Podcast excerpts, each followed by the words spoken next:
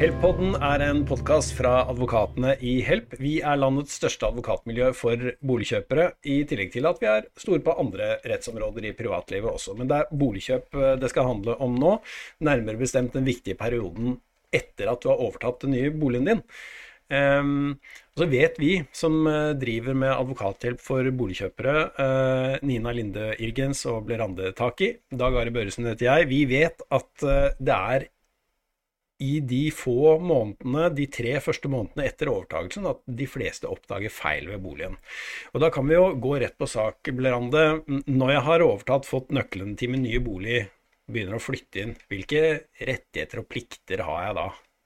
Eh, du har eh, som kjøper en undersøkelsesplikt etter at du har overtatt boligen. Eh, så det er veldig viktig å være obs eh, på forhold i boligen.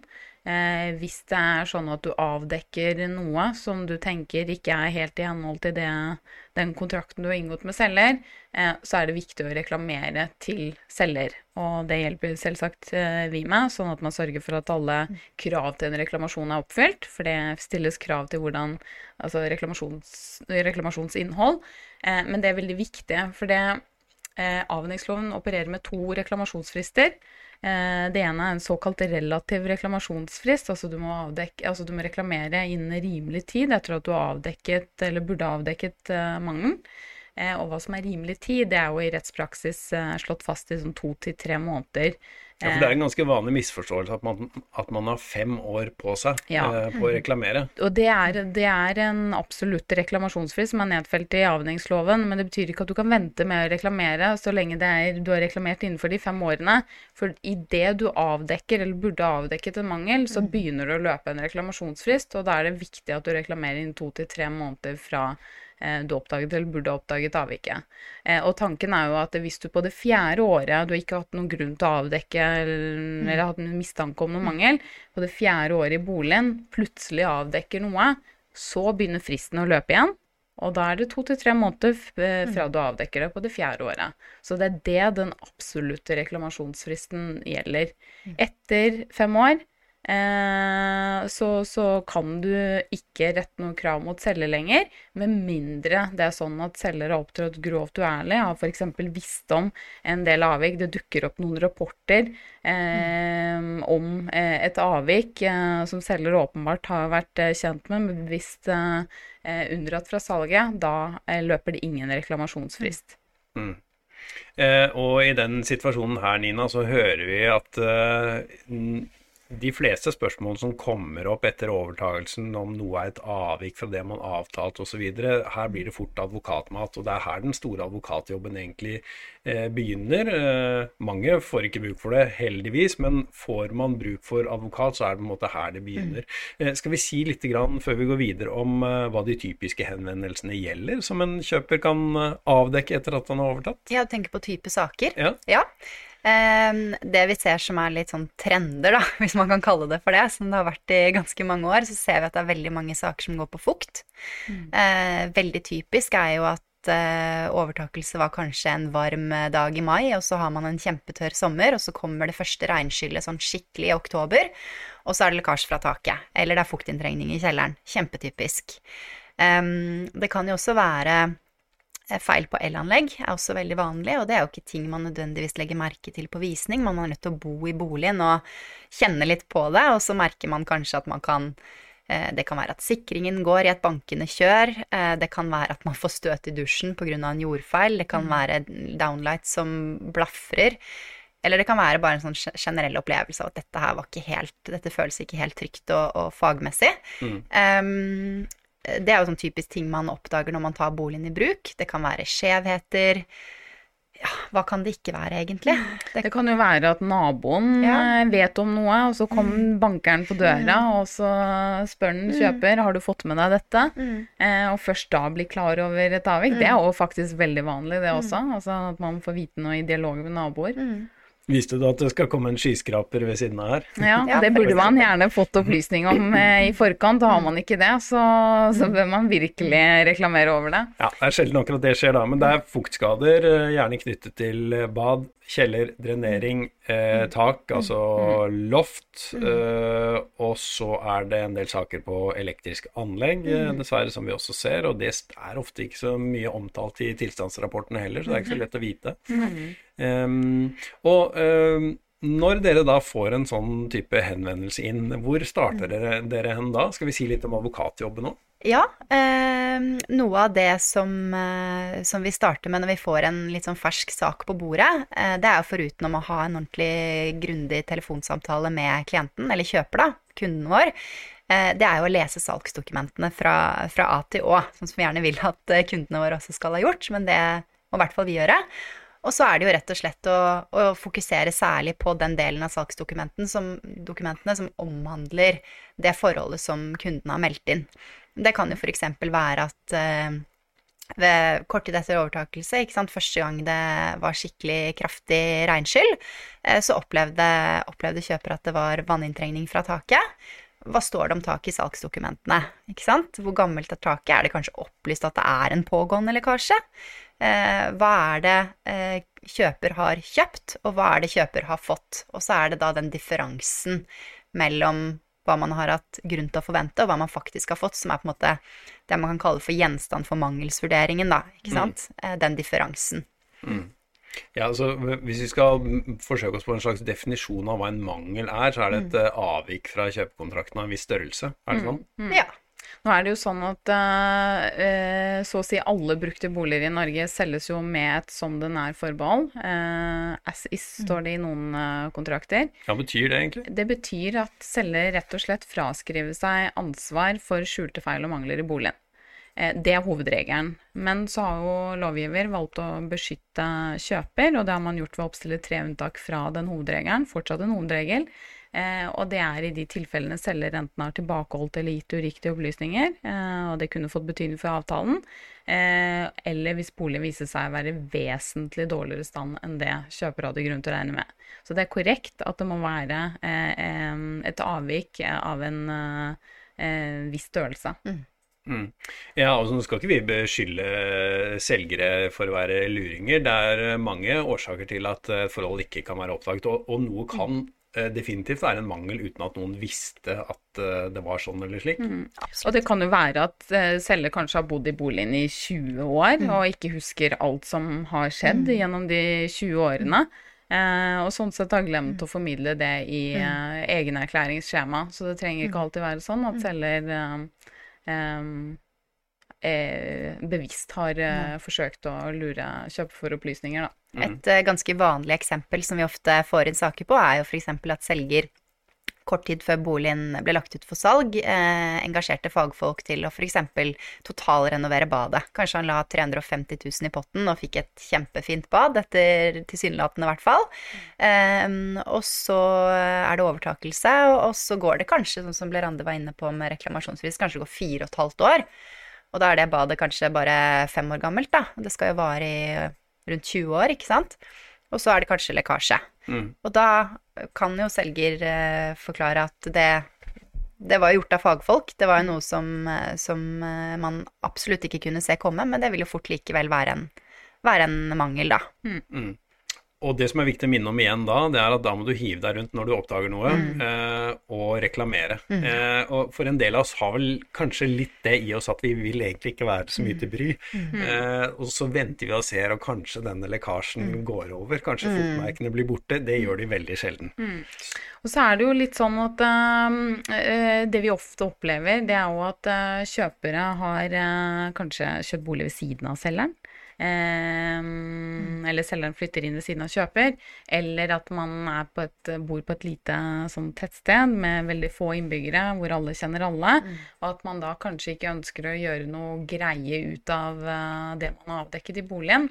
Uh, det mange sier til oss, det er at de ønsker å vente med å reklamere til man har fått vurdert om dette kan være noe å ta videre. Mm. Uh, er det ikke det, så ønsker de heller ikke å sette i gang den ballen, og det er veldig forståelig. Mm. Eh, så passer vi selvfølgelig på at eh, fristen overholdes likevel, mm. Eh, for det tilfellet at man ønsker å ta den saken videre. Ja, så kan det være mye for seg at det er profesjonelle parter som håndterer formalia, da, tar seg av det formelle. Som du sier, overholder frister og reklamerer klager. Altså kan vi jo si på riktig måte etter loven, sånn at man ikke taper noen rettigheter. Det er også en veldig viktig del av advokatjobben. Det ser vi i hvert fall veldig mange kjøpere som sier at det er veldig deilig å på en måte ikke, ha, eh, ikke være direkte involvert i mm. Konflikten ved at man selv ikke tar dialogen med selger, og at det er eh, advokatene som tar eh, dialogen mm. seg imellom. Så er det også et annet viktig, eh, viktig punkt eh, tilknyttet dette, og det er jo at hvis man venter Sier man avdekker lekkasje fra badet, så venter man plutselig et halvt år med å reklamere og i det hele tatt ta tak i problemet, så er jo så sannsynligheten ganske stor for at følgeskadene har blitt ganske mye større. Mm.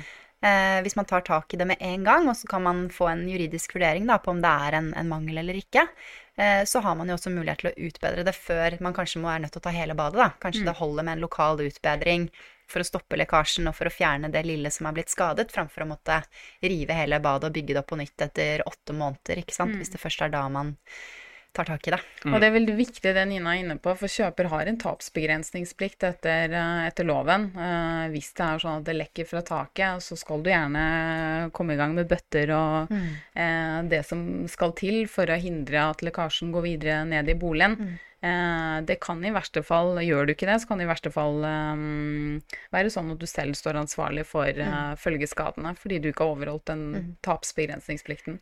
Så mm. ser vi også veldig ofte de gangene hvor eh, vi er på en måte nødt til å formidle til, til kundene våre at her er det reklamert for sent. Mm. Eh, og det, det, er kanskje i verste fall, da, så kan det medføre at man har tapt kravet sitt. Så blir man jo også, blir vi i hvert fall ofte møtt med at ja, men det var så mye som skjedde. Eh, kanskje det var et dødsfall i familien, kanskje det var utfordringer på jobb. altså hva som helst. Og det er selvfølgelig veldig forståelig, altså at det ikke er direkte klanderverdig at denne kunden ikke har tatt tak i saken fordi det var ikke så veldig viktig med kanskje den taklekkasjen. Men, men det går ikke utover selger. Mm. Um, så det å reklamere, det er på en måte Det er veldig viktig. Mm. Mm. Ja, og øh, kontakt oss så fort du avdekker noe. Mm. Det, er, øh, det, er, et godt råd, og så finner vi ut hva som er riktig å gjøre videre. Um, vi skal passe oss for å ikke bli altfor tekniske, og vi rekker ikke å gå inn på alle sider ved jussen og regelverket her, men um, vi får jo en del henvendelser fra en del utålmodige kjøpere, forståelig nok, som mm. uh, har oppdaget noe mens de er i ferd med å pusse opp. Mm. Uh, og de er helt avhengig av å komme videre i oppussingen, mm. og så uh, sier de at ja, men vi må jo bare utbedre. Altså, dette må jo selger kunne holdes ansvarlig for uansett og jeg mm. kan jo ikke lastes for at det er noe gærent her, mm. eh, og jeg må komme videre. Hvorfor eh, er dere så påpasselige med å advare om at hm, hold an lite grann? Mm.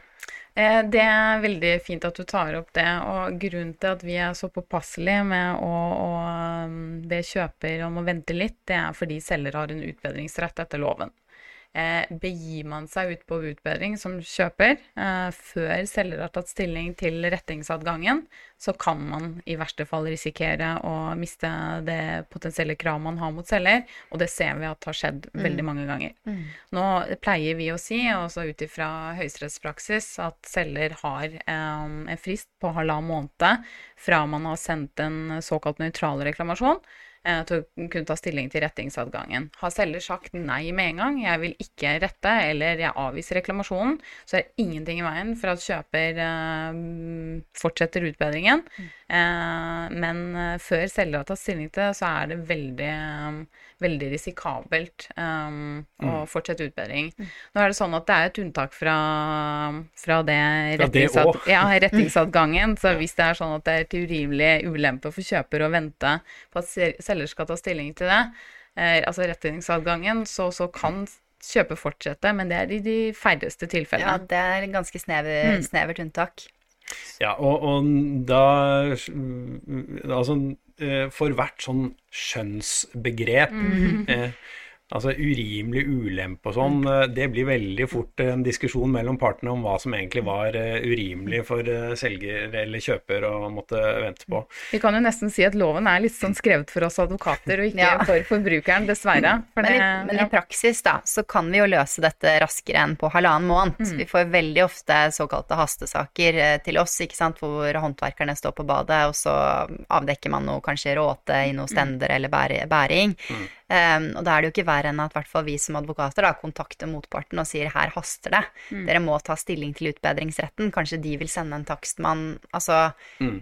Stort sett så, så, får vi det til å funke, mm. uh, men, uh, men, det er klart det er jo veldig kjedelig for, uh, for den kjøperen da, som står midt i oppussings arbeider. Ja. Mm. Eh, du var inne på eh, nøytral reklamasjon, eh, Blerande. Det, er, altså det er en, hva skal vi si, en beskjed til motparten om at du har oppdaget noe, så vet du ikke helt rekkevidden av det, vet ikke hva det vil koste å utbedre, mm. men du kommer tilbake til saken. Du har bare varslet at du har oppdaget et eller annet. ikke mm. sant? Vi følger opp en nøytral reklamasjon med en såkalt spesifisert reklamasjon, og ja. det er da vi da redegjør ordentlig for saken, og hvorfor vi anser at kjøper har krav etter loven. Ja, Dokumentere kravet ditt, egentlig. Nettopp. Mm. Og hva vi i kroner og øre krever fra, fra selger.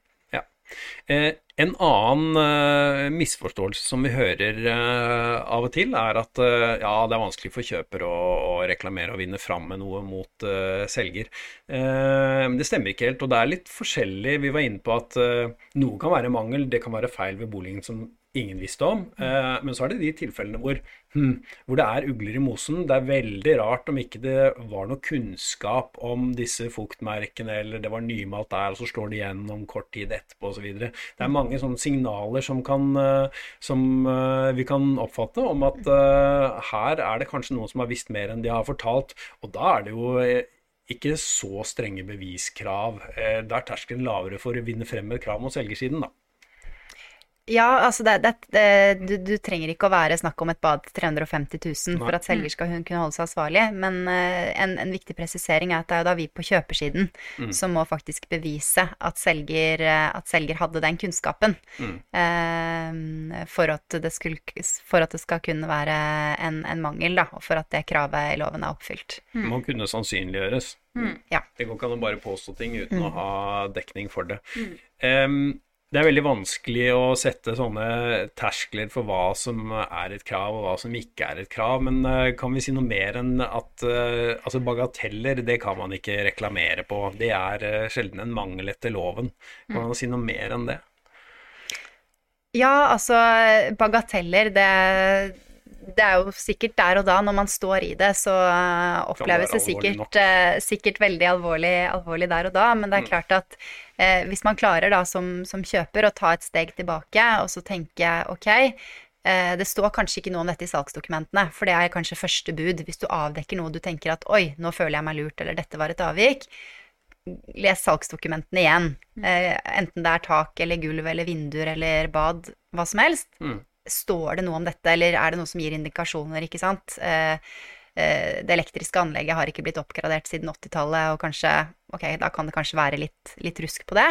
Men, men, hvis det ikke står noe i saksdokumentene, og du føler deg litt lurt, så ta et steg tilbake, og så tenk Dersom jeg fikk vite dette før jeg la inn bud, hadde jeg da lagt inn det samme budet, eller hadde jeg tenkt på dette som så alvorlig at jeg hadde kanskje valgt å justere ned budet mitt. Mm. Eh, hadde det hatt en innvirkning på hva jeg hadde vært villig til å gi?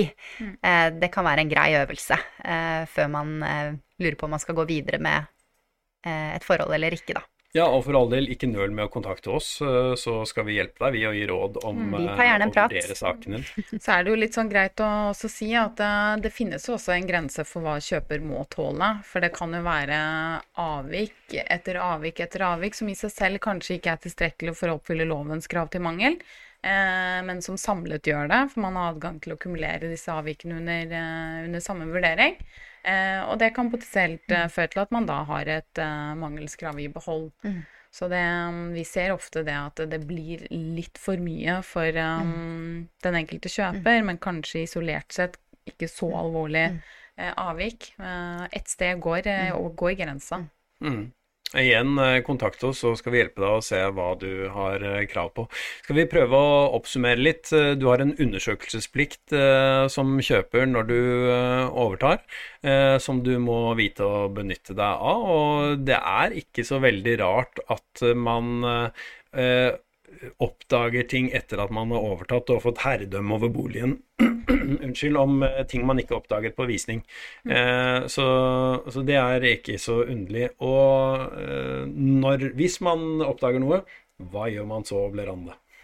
Nei, da ringer man til oss, og så skal vi hjelpe deg med å få vurdert eh, det i henhold til loven. Og hvis det er sånn at vi tenker at dette er noe å forfølge videre, så, så tar vi det videre. Eh, så lenge det er behov for det. Mm. Men uh, en ting vi ikke har nevnt uh, i oppsummeringen, det er selgers utbedringsrett, for det er veldig viktig. Um, ikke krenke den retten uh, uten at man har grunn til det. For det, det, er veldig kjedelig å sitte og ha et ordentlig mangelskrav i behold, men som du mister fordi den utbedringsretten er krenket. Mm. Mm. Jeg tenker at uh, det var nok, ja. Og så må vi jo gjenta til slutt da, at uh, flertallet av både overtagelser og tiden etterpå, oppussingsprosjekter osv., ja, de kan være slitsomme å trekke ut i tid osv., men uh, det går som regel bra i de fleste tilfellene. Og så er vi der til å hjelpe deg når du har behov for juridisk assistanse. Jeg tror vi sier takk, Nina og Blerande, og tusen takk til deg som så eller hørte på Helps podkast.